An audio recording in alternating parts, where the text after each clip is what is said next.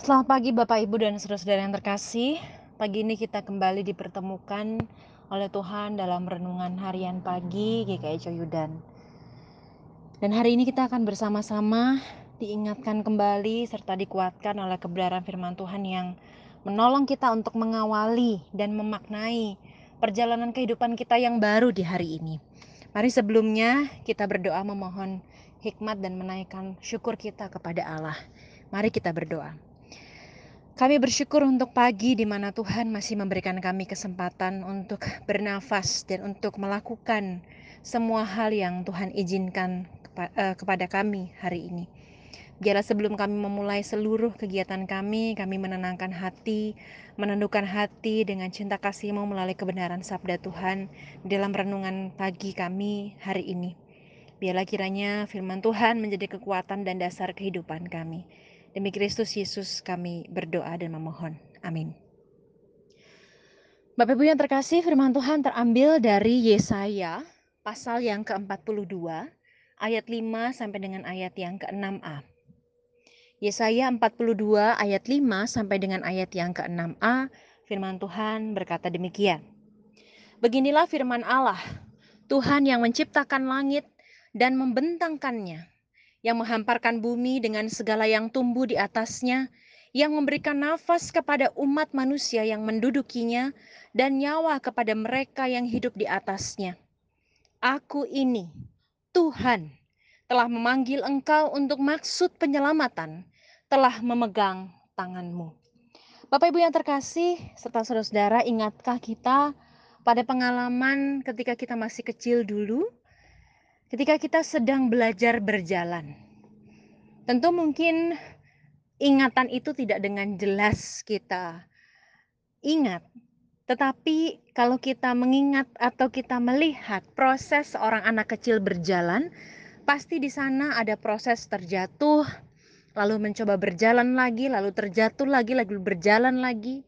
Proses berjalan bagi seorang anak kecil adalah sebuah proses yang tidak mudah bagi kita yang sudah melewatinya dan sudah bertumbuh dewasa, berjalan itu menjadi satu hal yang sudah biasa. Tetapi bagi mereka, untuk bisa belajar berjalan adalah sebuah fase pertumbuhan yang penting dan di satu sisi menjadi sebuah tanda bahwa seorang anak dapat bertumbuh dengan baik.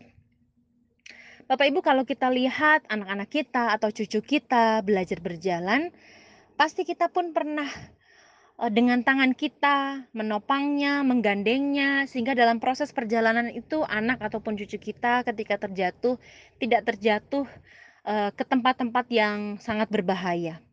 Dan gambaran ini adalah sebuah gambaran yang akan menolong kita mengerti firman Tuhan hari ini.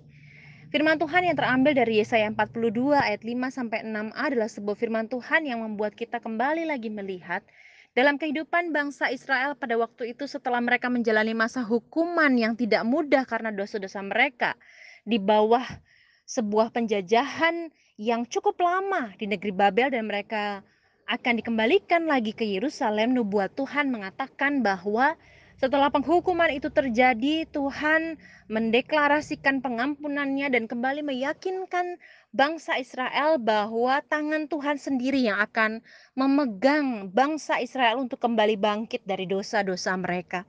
Tuhan menegaskan melalui Nabi Yesaya bahwa ia adalah Tuhan Allah yang membentangkan langit, yang memberikan nyawa atas seluruh manusia untuk dapat kembali hidup dan menapaki hari-hari mereka. Dan ini menjadi sebuah janji yang juga berlaku atas kita bahwa uluran tangan Tuhan selalu Ia berikan kepada setiap kita yang pernah jatuh ataupun yang sedang jatuh di dalam dosa, jatuh di dalam pergumulan yang tidak mudah atau berada dalam sebuah keputusasaan. Hari ini Tuhan ingin menyapa setiap kita untuk terus membuktikan dirinya menjadi Allah yang berdaulat. Ia berkuasa atas alam semesta setiap pagi ia tak pernah lupa mendatangkan dan menerbitkan matahari. Setiap malam ia tak pernah lupa mendatangkan dan juga menaruh bulan tepat pada waktunya. Allah yang begitu luar biasa tidak pernah melupakan kita. Allah yang begitu luar biasa kasihnya kepada kita melampaui kemarahan dan kekecewaannya.